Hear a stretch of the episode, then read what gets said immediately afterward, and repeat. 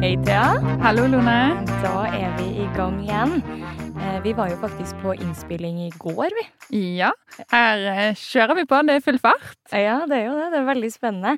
Nå er det jo sånn at kanskje ikke den som hører på, hører det sånn for denne episoden her dagen etterpå, men eh, det, det går jo fint, det.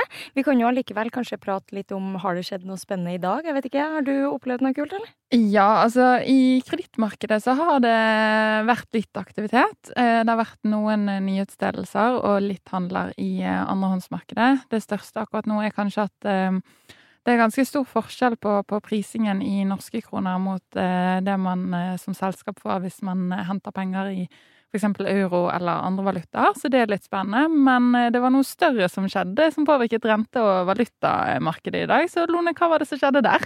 Ja, det har jo faktisk vært flere ting som har gitt eh, norske kroner skikkelig bank i dag. Eh, du ser jo at eh, olje- og gassprisene går, går ned.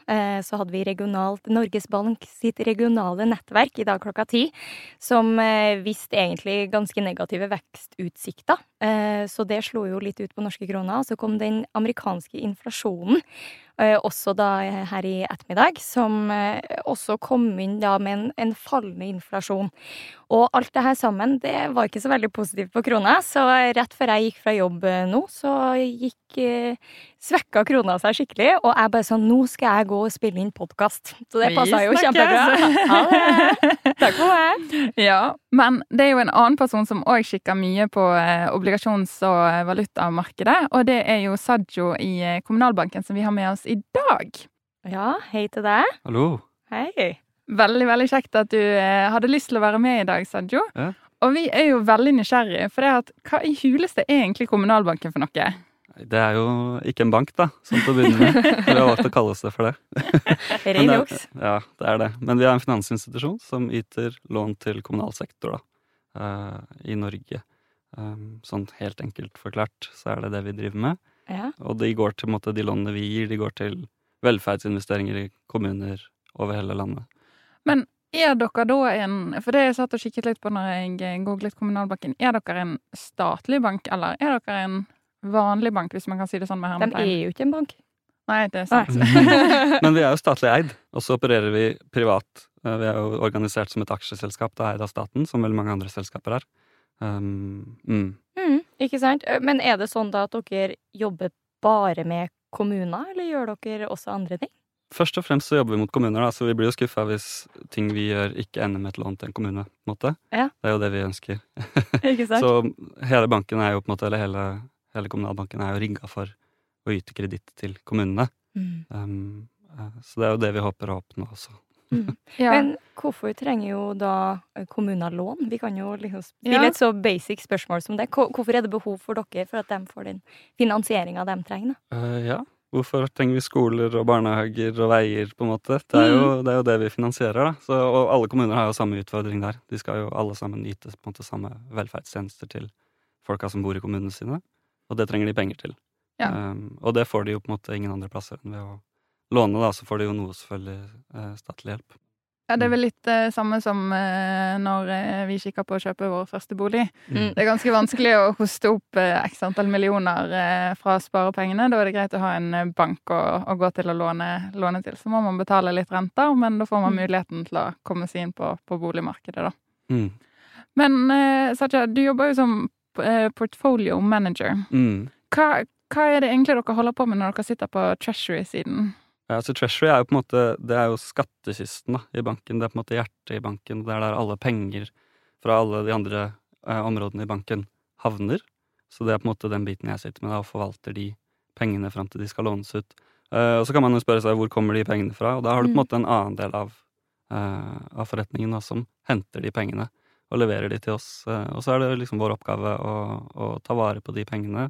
Kanskje skape litt avkastning på dem mens vi har de, fram til de skal lånes ut. Ikke sant? Så Mm. du, du sitter rett og slett og sørger for at det er penger å låne ut, eller i hvert fall de pengene som har kommet inn, Ja. at de fortsatt er der, sånn Ja. at kommunene faktisk har mulighet da, til å bygge skoler, barnehager, alt det vi alle sammen setter pris på. Ja, det er, litt sånn, det er jo litt sånn som du gjør på privaten også. Du har noen regninger som må betales, og så må du sørge for at lønna di holder til alt det der, og så må Mm. du passe på at det blir betalt når det skal. Eh, og så er det jo selvfølgelig litt mer komplisert når man er en, eh, når man er en finansinstitusjon, da, med litt forskjellige flows enn det du har, som kanskje bare er kroner. Ja, det er ikke så veldig mye kompleksitet i mine kontantstrømmer. Du har jo litt valutaeksponering, Lone, når du har vært på dine helgeturer til eller ditt halvt år i København. Altså, i København, dere skulle sett meg der. Eh, altså, der satt jeg hver Altså, hele tida var sånn Skal jeg veksle mine danske kroner til norske nå? Mm. Til slutt så kom en kollega og så sa han sånn Nå veksler du! Nå er vi så lei av deg! Så ja. Men det var veldig personlig òg, da, ikke sant? Så det Ja. blir jo en liten del av det òg. Det slipper kanskje du til deg. Det blir ikke like personlig. Det blir ikke like personlig, og det er jo litt andre summer òg, da. Sånn, jeg husker når jeg fikk jobben, så, så, så satt jeg og telte nuller, for jeg var så, jeg var så nervøs for de beløpene. Da, for en skole koster litt mer enn det liksom, mitt satsmedlemskap gjør. på en måte. Det er noe med det. Ja, det er det. Ja, Ja. jeg må ærlig innrømme at akkurat det der, det har jeg jo gjort eh, når jeg starta på, på valuta til oss. Fordi vi som bank, jeg sitter jo i Danske Bank, vi, vi, vi som flere banker bistår jo sånne type institusjoner som, som du sitter i. Mm. så du sitter jo på ene sida og, og spør om eh, da ulike eh, kurser på å gjøre ulike instrumenter. Vi sitter Mm. på andre sida, så vi sitter jo og teller akkurat de samme nullene. Mm. Og man skal passe litt eh, på det. Det har jo vært noen historier med fat finger error, hvor det har blitt eh, lagt til noen nuller for mye. Og det kan flytte markedet litt hvis man eh, legger til litt ekstra mange nuller der. Ja. Så, eh, men apropos dette her med valuta, da. For at eh, kommuner er jo i Norge og Mm. har jo inntekter og utgifter i norske kroner. Mm. Men eh, du sa det med at dere sørger for at dere får inn penger som dere da kan låne ut videre til kommunene. Henter dere da, eller låner dere da, får dere bare inn norske kroner? Eller eh, går dere eksempel, nå er kanskje ikke danske kroner så eh, aktuelt der, men henter dere i andre markeder enn norske eh, markeder òg? Ja, vi henter vel egentlig mest i andre markeder, da. Mm. Eh, og ikke så mye norske kroner. Så selv om hele utenlandssiden vår Kommunene vil jo ha norske kroner eh, til sine investeringer. Men eh, Kommunalbanken og den standingen vi har, da, som trippel A-rated eh, finansinstitusjon, gjør at vi kan låne penger ganske billig ute, Mm. um, utenfor Norge, da. Ikke sant? Um, så det vi gjør, er jo å hente penger ved å utstede obligasjoner ute i forskjellige valutaer. Uh, primært dollar, da. Uh, og så veksler vi det over etter hvert som vi har behov for det, Ja. til norske kroner. Og, og en rating, det kikker vi veldig mye på fra obligasjonssiden. Da har man jo ulike ratingbyråer som gir egentlig en karakter. Så hvis man skal på en måte oversette det til norske systemet, så vil det jo si hvis du har et karakterkort med bare seksere, Mm. så er du superbra. Har du litt flere toere, så er ikke det like bra. Og på samme måte så får da selskaper en karakter. Så eh, Ja. jo flere A-er du har, jo bedre og jo billigere lån får du. Ja, det er litt sånn. Men, men hvordan er det da? Fordi da sier du jo at du strengt talt har kostnader, altså lånekostnader til utlandet, eksempelvis dollar. Mm. Og så har du inntekter i Norge fordi dere låner ut penger i norske kroner, og da sikkert også får da eh, tilbake rentebetalinger så videre i norske kroner. Hvordan funker det, da? Ja, nei, det er da det blir spennende, på en måte. da beveger vi oss inn i på en måte eh, derivatuniverset, da. Mm. Um, Swap-kontrakter, eller rentebytteavtaler og valutabytteavtaler. Uh, så det vi gjør, er at vi tar de dollarpengene, og så inngår vi en lang eller en kort swap, da, som gjør det om til norske kroner. Så hvis innlånssiden betaler eh, rentekostnadene sine på vår gjeld i dollar, så gjør vi på Treasury en swap som, eh, hvor vi mottar dollarrenter da, og betaler norske eh, renter. Måte, det er sånn en swap funker. da, Du bytter, du bytter en rente mot en annen, og også kanskje valuta. da. Mm. Så de to skal på en måte parere hverandre, da, sånn at du i utgangspunktet ikke ligger med så mye åpen posisjon i den utenlandske valutaen. Og så ligger du åpen i norske kroner, som på en er vår hjemme, hjemmevaluta, da, og det er der vi har inntekter. Eh, og så kan det jo være, så kan det være små forskjeller da, på, mellom treasury, som jeg sitter i, og innland, som gjør at du kan få noe åpen valutarisk, men den skal være ganske liten. da. Ja, for det, valutamarkedet er jo eh, veldig volatilt. Jeg Mhm. husker jo jeg satt i eh, London når brexit eh, kom, Mm. og da satt jo vi og hadde et sånn lekespill hvor vi satt og spekulerte i om eh, de kom til å stemme for brexit eller ikke. For å si det sånn, alle stemte for at de kom til å bli i EU, det gjorde de ikke, så vi tapte alle sammen gedigne summer som heldigvis bare var lekepenger på det spillet. For vi satt med åpne lekeposisjoner. Mm. Ikke sant? Mm. Og hvis valutaen går der, så kan du tape ganske mye penger, da. Det, Ja, mm. Det er virkelig store summer som Mm. kan gå der. Virkelig. Og da må vel dere strengt talt både følge med på rentemarkedet og valutamarkedet, fordi at dere blir påvirka av begge? Uh, ja, absolutt. Eh, ja, ikke sant? Vi, som, I Treasure så er vi på en måte eiere av alle de finansielle riskene som, som banken har. Da. Så, så hvis vi har åpen valutaposisjon, så må vi lukke den eller ha den. da, Alt Mm. hva slags syn vi har. Uh, og det samme på rentesiden. Mm. Men altså, hvordan ser egentlig en vanlig dag ut hvis man sitter som i Treasury? Ja, nei, vi, eh, vi sitter jo og ser på hvor mye penger vi har i skattkisten, da, og hva vi skal gjøre med det, på en måte. Eh, Så jeg kan komme på jobb eh, på morgenen, og så ser vi på ok, hvordan ligger vi i de forskjellige valutaene, og hva skal vi gjøre med de pengene i dag? Og fram til i morgen, eller hvor langt fram vi ønsker å, ønsker å plassere de pengene, da. Og det kommer an på hvor mye utlånsutbetalinger vi har, hvor mye funding vi har fått inn, hvordan valutakursene går. Det påvirker oss dag til dag. Um, og så gjør vi plasseringer og investeringer basert på det. da. Og så er det jo sånn som bank så er det jo pålagt ganske mye krav Uh, regulatorisk. Siden finanskrisen så har man blitt ganske ansvarliggjort som bank. Mm. Jeg, både jeg og Thea sitter og nikker veldig Ja. kraftig nå. Vi vet, vi vet. Mm. Nei, ja. Eh, Vi har gledelig snakket om alle disse online-kursene vi må ta. ja, ja. Så ja, til, det kan være til frustrasjon, men det er jo også viktig da, å være ansvarlig med de typer summer som vi sitter med dag til dag. Mm. Så det kan jo Altså, det vi er opptatt av, er jo um, Det er jo at vi alltid har penger til å møte forpliktelsene våre. Uh, og så er vi jo opptatt av uh, å skape en avkastning på det mens vi holder de pengene. Mm. Men uh, nå har du på en måte to elementer du har nevnt i, i, altså, mens du prata om det her nå. Du har Mm. skattkiste, det høres ganske kult ut. Og så har du masse reguleringer, det høres kanskje ikke like Mm. kult ut. Mm. Men hvorfor, hvor- altså, hva vil du si med jobben din som er spennende? For jeg vil jo tro at du, syns, du trives i den jobben du sitter i. Hva er det som er kult med den? Eh, det er store summer. Det er egentlig liksom kult i seg selv. Da, selv, om man, selv om man egentlig ikke skal snakke Og så er det jo um, Det er kanskje litt underkommunisert i finans, da, men det er jo mennesker man Mm. jobber mot hele tiden. Så jeg, får jo treffe dere, Mm. blant annet. Så handler det jo mye om tillit, og så er mye mer enn bare eh, tall og matte i jobben. Og når det blåser, da, sånn som det har gjort ganske mye i det siste, så er man litt eh, avhengig av å ha gode relasjoner rundt om. Og når du sitter i en treasury-stilling med så bredt mandat som vi har hos oss, da, så, så er du helt avhengig av uh, å kjenne de du jobber mot. Mm. Uh, det syns jeg er veldig kult. Ellers så er det jo litt action, da. Sånn uh, når ting svinger litt. Det er jo det det er gøy, siden, siden jeg begynte. Altså, jeg begynte jo i Treasury Jeg har vært i banken lenge, men jeg begynte i Treasury-stillingen fire måneder før korona slo inn. Så sånn, det ble veldig learning on the job da. Og når jeg begynte i jobben, så var det sånn hvis norske krona gikk ti øre, så var det sånn wow. Nå, nå svinger det bra, mens nå blunker vi ikke engang hvis den går 30 nei, øre. på en måte. Så det, det har skjedd litt da, de siste årene. Eh, og det er kult, og da må man ta man må ta ganske mye rappe beslutninger, og så må man diskutere ganske mye over bordet Mm. hva man skal gjøre. da. Ok, hva skal vi gjøre nå? Nå, nå skjer det ganske mye her. Hva er, hva er blikket vårt på, på hvordan det her skal forvaltes uh, framover? Mm. Mm. Og altså, hvis man skal sette det litt i perspektiv, da. Jeg husker jo samme, samme som du sier, det med at eh, når jeg startet på rentesiden, så satt jeg om sommeren, og så falt eh, rentemarkedet. Det var liksom ti punkter, og så sier traderen til meg Thea, rentemarkedet har falt ti punkter. Og jeg var sånn Ja, Ok. ok. Og så var han sånn Om litt så skjønner du hvor, hvor drastisk dette er. Og nå er det jo nettopp det med at det faller noen ganger, eller stiger ti punkter på en dag. Ja. Det har vært helt vanvittige svingninger i det siste. Mm. Uh, og for å sette det litt i perspektiv til de som er glad i vesker, da. Hvis du skal kjøpe deg en ny veske som koster, la oss si, um, ja, 2000 kroner, da. Hvis den eh, plutselig er på salg til 1700 kroner, så Mm. jubler man. Hvis den stiger til 2500, så er ikke man så gira på å kjøpe den den dagen. Ikke sant? Så det er liksom disse her eh, store svingningene man har der, da. De gjør jo at man sitter litt og litt eh, trommer eh, tomlene og sitter litt sånn ekstra på kanten av stolen. og er Sånn, å herregud.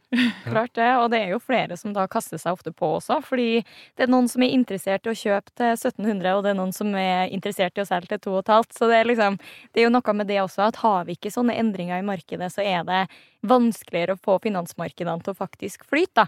Eh, Men for å si det sånn, akkurat det er jo ikke et problem om dagen. Nei, Nei. det svinger bra. Men eh, over til et litt annet tema. Du har jo studert både på eh, NMBU og BI. Mm. Hvorfor eh, synes du at økonomi var spennende, og hvorfor disse her to skolene? Oh, nei, det blir jo litt sånn synlig hvor hjemmekjær jeg er, da. For jeg har liksom holdt, jeg har liksom holdt meg i nærheten hele tida når jeg valgte liksom skoler i Norge, da. Uh, NMBU valgte jeg vel fordi det lå ganske nærme. Det er en veldig kul skole, da. Mm. Uh, jeg vet ikke om dere har vært der ute, men det er en sånn utrolig pen campus. eh, kanskje ikke den største handelshøyskolen sånn på Østlandet, men Det trenger ikke være noe, nødvendigvis noe negativt, det, da. At det ikke Nei. er den største skolen. Altså, eh, jeg, startet, jeg har gått på, på Oslo OsloMet, eh, Mm. og starta der egentlig ganske sånn kort tid etter dem, de starta det som skole. Og jeg må ærlig innrømme at det har jo selvfølgelig sine ulemper, men også sine fordeler òg. Man kommer tettere på professorer, du er et mindre studentmiljø som gjør at du blir tettere med hverandre. Mm. Fordrer jo selvfølgelig at man liker noen av dem som studerer der, men gjør du det, så er jo det supert. Så jeg kan se for meg i hvert fall at Eller min erfaring er at det ikke nødvendigvis er noe negativt, da. Nei, enig. Og den står på en måte, skolen står ikke tilbake for, eh, for noen, og det var, Mm. det var egentlig veldig fin start eh, på utdanningen for meg, da, men når jeg liksom følte at jeg ville spisse det litt mer, kanskje ha litt mer matematikk inn i det, og spisse det mot finans, så var det riktig å kanskje velge en annen skole, da. Mm. Og da var det jo eh, Da ble det BI, da. Ja. Var jo det som var nærmest. da. Ja. Og BI er jo- òg en av de, hvis man skal si det sånn, de klassiske økonomiskolene i, i Norge. Det er jo gjerne eh, NHH, BI, NTNU eh, og flere og flere som kommer fra, fra Ås, da. Som, Mm. eh, som er i hvert fall det jeg merker når man screener søknadsbunken eh, fra de norske skolene, så er det veldig mange Mm. derifra. Mm. Helt klart. Eh, du har jo ikke bare studert, du har jo også jobba, skal jeg si. Eh, Under studiene så hadde du jo et studentinternship, eller en Mm. deltidsjobb. Og det var jo også hos Kommunalbanken. Mm. Eh, da satt du i Operations, stemmer ikke det? Jo. Eh, hvordan var det programmet, og er det noe du anbefaler til andre? Vi vet jo at mange studenter er veldig fokusert på det der med deltidsjobber under Ja. studiet osv. Ja. For meg var det, det var helt topp. Altså, Mm. det programmet Jeg var den første gjengen med sånn internship hos oss, da. Nei. Siden har det blitt ja. Og siden har det blitt et veldig sånn stort program hvor du liksom rullerer innad i banken mellom de forskjellige avdelingene og får prøve veldig mye forskjellig. Det er veldig fint som student eh, å kunne sjekke ut liksom, ok, hva er det jeg egentlig har lyst til å drive med. Nå har jeg skaffa meg en masse kompetanse på finans, men uh, hva kan jeg gjøre, egentlig? Mm. Uh, Så det får man på en måte feelen med. da, Så når jeg begynte i Operations, så det er liksom under panseret på hva som foregår. da. Nå sitter jeg i front, da satt jeg et steg bak det. Mm. Eh, Og front er på en måte det er de som sitter og handler, uh, gjerne, i en bank. Mm. Um, mens i Operations så er det sånn ok, når front inngår en handel, da, hva er det egentlig som skjer? Mm. Um, hvordan, hvordan skjer det? Du forplikter deg til å betale til en eller annen bank, kanskje. Uh, hvordan gjør man det? De, det er de som passer på at ting går riktig for seg etter at kontrakten er inngått, og det er nesten like viktig som å inngå de. Men, men det har jeg òg hørt. Det, når jeg startet eh, som graduate, hvor vi òg hadde litt eh, rotasjoner, så var det en av eh, kollegaene mine som òg startet eh, i backoffice og satt med eh, selve formalitetene på handelen, eller sørget for at betalingene gikk, eh, gikk riktig, og at eh, den biten funket. Han sa det var så verdifullt å skjønne Mm. hele flowen av en betaling og vite liksom hva som skjer fra det man har avtalt noe, til det faktisk går igjennom og er ferdig. Mm. Eh, at når han da byttet til valutasalg, så sa han det var gull verdt å vite hele den prosessen, for du kan systemene, du vet hvordan ting funker, og du vet hva du må trykke på. Og, Ja. eh, og det å ha den erfaringen, var han, han var så glad for det etterpå. Mm. Og det er jo noe vi har prata om tidligere også, det der med å på en måte forstå litt hva er det som skjer bakom det du holder på med. For man blir jo litt sånn veldig eh, oppi det man på en måte holder på med der og da. Eh, personlig har jo jeg aldri sittet på en type backoffice- eller middleoffice-funksjon, men jeg har jo sittet eh, flere steder i en bank. Og noe som gjør at det jeg merker forskjellen fra meg til en del av mine kollegaer, er at de har jo ofte mye lengre erfaring med det vi holder på med akkurat nå. Men jeg har en del annen type erfaring som jeg greide å få meg under studietida, som viser at jeg skjønner hvordan en del andre deler av banken fungerer. Noe ikke nødvendigvis de gjør fordi at de har ikke vært på så, så utrolig mange andre plasser enn akkurat der de sitter i dag, da, eller i hvert fall veldig tilknytta der de sitter i dag. Og jeg tror at det har virkelig en fordel, altså at man på en måte kan vise til litt flere ting, og, og du greier å forstå litt mer hvordan ting henger sammen. da.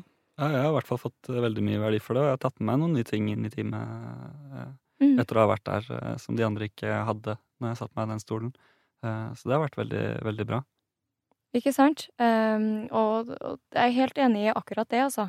Men det, hvis du skal sammenligne eh, operations der du satt på deltidsjobben din, og den jobben du har i dag, hva vil du si er eh, forskjeller og likheter mellom dem to? Eh, likhetene er jo i hvert fall at det er samme kontrakter. da. Du sitter og kikker på. Ja. Forskjellen er i den ene stolen så inngår du i den, Mm. og i den andre så passer du på at du får penga når du skal, på en måte. Så i Treasury så, så er det jo mye mer sånn ok, hva er egentlig, hva skal vi gjøre? Hvis kredittmarkedet går så og så mye, eller hvis valutaen går, da, så er vi det er mye mer eh, diskusjon rundt hva vi skal gjøre i Treasury-stolen eh, enn det du får i Operations, da hvor måte, ting allerede er inngått og beslutta. Så du Mm. sitter, du sitter tettere på beslutningen som må tas, og så, og så ser man jo veldig tydelig hva resultatet av det blir, da. Når du, når du velger å inngå en kontrakt, uh, Mm. på en måte. Så sitter du vel også tettere på markedet. Ja. Eh, Du har jo sikkert det mye mer under huden når du faktisk må ta beslutninger, enn hvis du sitter og følger opp de beslutningene som allerede er tatt, da. Ja, og den overgangen er jo litt sånn uh, Markedsteften, den, den må du liksom lære deg, og den får du litt, uh, den får du litt mer etter å ha sittet i et par år, da. Ja. For når du kommer inn i den rollen, så når jeg kom inn i den rollen, så satt jeg i helgene og, og regna rentepariteter og prøvde å forstå liksom, ok, hvor er det vi egentlig tjener penger her når vi gjør den FX-oppen, eller når vi gjør det rentederivatet. Hva, hva er det egentlig som uh, gjør at Hvorfor gjør vi det? Eh, det er en eller annen renterisk, kanskje, som vi skal dekke, eller så er det et eller annet syn på hvor rentene skal, da, som gjør at Mm. vi, som gjør at vi tar eh, Ikke sant? Og, og det er jo dere, noe med dere der at det å få det der litt under huden, det kan gjøre litt vondt i starten, vil jeg tro. At man kan få litt vondt i magen. Du sitter på et ansvar og Åh, jeg hadde så høy puls. De første, første gangen jeg skulle ut uh, i Bloomberg og liksom spørre om uh, en eller annen kontrakt da, og se på prisen, så er jeg sånn Å, er jeg høyre side eller venstre side? Åh. Det er så liksom forvirrende. sitte- Men eh, en annen ting jeg lurte litt på, for du har jo gått fra eh, å jobbe deltid som student til å jobbe fulltid, eh, og det var innenfor samme firma. Har du noen tips til andre unge som går igjennom en lignende prosess? Det der, hvordan gjør man den overgangen fra å være deltid som student til fulltid? hvordan gjør man det mest mulig smooth? Um, du må være litt tydelig på hva du har lyst til, da. Mm. Eh, og det vet du kanskje ikke, så sånn i starten så burde man jo prøve litt forskjellige ting, da. Eh, og når du skal inn i en heltidsstilling, hvis du får jobb samme, i samme rolle som du har hatt fra før, så får man jo begynne der, da.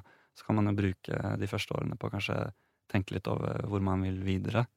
Eh, og så må man være veldig flink til å ønske seg det av lederne sine, da. Ellers så er det jo ingen, det er ingen andre som ber om det for deg. Virkelig ikke. Og I tillegg så får du jo også bygga deg en del nettverk, da. Når du går fra på en måte å ha kjent en del folk på, på deltid, du er der innimellom, til å faktisk være der på fulltid. Og ha Mm. muligheten til å faktisk komme litt tettere på dem du, dem du jobber med. Og da kjenner du dem jo enda bedre hvis det er sånn at du innenfor en liten periode har lyst til å gå videre, kanskje f.eks. innenfor samme selskap, eller Ja, Mm. helt enig. Og så tror jeg ikke man skal være så redd for om man på en måte bidrar inn med verdi hvis man har vært i en deltidsstilling over litt tid og føler man ikke kan tingene så bra, så er det en helt annen greie når du sitter der hver dag og ikke har de eksamene hengende over deg heller, mm. som kan være litt stress. Ja. Så du kan virkelig liksom bruke litt tid på å fordype deg eh, i de tingene du skal jobbe med da. Mm. Pluss at eh, når man sitter eh, som student, så lærer man jo òg eh, hvordan det funker å faktisk jobbe. Eh, og hvis man da går fra samme selskap Jeg husker sjøl når jeg gikk fra å være student til Nordea til å jobbe fulltid. Jeg syns det var eh, veldig deilig å være samme sted, for da kjente jeg Jeg visste hvor kantinen var, jeg visste hvordan jeg fylte på kantinekortet.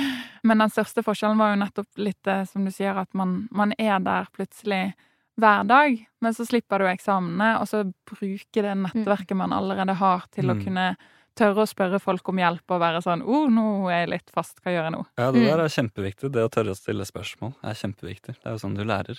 Eh, hvis man bare prøver å sitte aleine og finne ut alt, så klarer man ikke det. Selv om du har sittet mye i helgen og prøvd å få Ja. ting på egen hånd.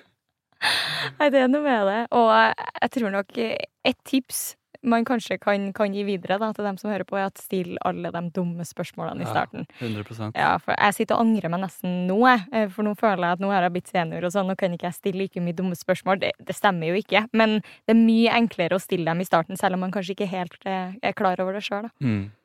Så still masse dumme spørsmål. Men hva var det som eh, trigget interessen din for eh, front office eller eh, treasury-avdelingen? Hva var det du, hva var det som gjorde at du var sånn oh, yes, dette har jeg lyst til'? Åh, det er jo litt action, da. det er jo litt action. Og det er på en måte mye Beslutningshierarkiet er mye, mye flatere. Ja, og, og det er jo skikkelig artig å sitte i en type jobb der du faktisk føler at du kan være med å ta beslutninger, da. Mm. Eh, og det skjønner jeg jo veldig godt. Men eh, jeg tenker at vi Nå har vi hatt en veldig fin prat. Du har jo greid å gjort eh, det å jobbe i kommunalbanken sexy. Det var jo det vi prata om før vi gikk inn her, så det syns jeg er imponerende. Eh, men før vi avslutter, så lurer jeg på, har du noen tips til andre unge som kunne ha tenkt seg inn i finans? Vi vet jo, eller vi håper at det er unge folk som hører på, som kunne ha tenkt seg å teste ut eh, ting som vi holder på med. Har du noen tips til dem? Ja, jeg syns jeg de burde teste. Eh, tips ikke vær så kresen. Mm. når du går inn i, inn i, en jobb, for du får på en måte med deg noe fra det uansett. Altså ikke, ikke sikte deg ut på en sånn toppjobb til å begynne med, bare begynn på gulvet, rett og slett, mm. og, og lær litt hvordan ting funker, og så går det bra derfra. Det gjør stort sett det. Det kan vi skrive under på. Ja, eh, Foreløpig i hvert fall. Da vi har ikke vært så lenge i arbeidslivet at vi, si, at vi kan si at det går bra. Bank i bord. Ja. Nei, men supert. Da eh, tror jeg vi nærmer oss eh, slutten, så tusen, tusen takk for at du eh, tok deg tid til en prat, Sajo. Ja, selv takk. Takk skal du ha. Før vi gir oss, så vil jeg bare si at vi publiserer nye episoder annenhver mandag, så følg oss gjerne der du hører på podkast. Liker du det du hører, så sleng gjerne inn fem stjerner. Er du på LinkedIn, så følg gjerne gruppa vår som heter Finansjentene. Ja, jeg lærte meg det i år. Hvor du kan sende oss ris og ros, spørsmål eller tips til folk vi bør intervjue. Alternativt så kan du nå oss på finansjentene at gmail.com. Stort takk til ABG Sundal Collier-stiftelsen for støtte til podkasten, som bl.a. sørger for innspilling og redigering hos Nitro Sound med produsent Robin Howard, og logo av Johannes Sveen Ekrem. Vi vil òg takke Simen Eifring, som står for vår flotte intromusikk, og ikke minst deg, Lone, for programlederrolle. Og takk til deg og Thea, som også har vært programleder i dag. Og ikke minst tusen takk til deg som har hørt på. Vi snakkes. Ha det.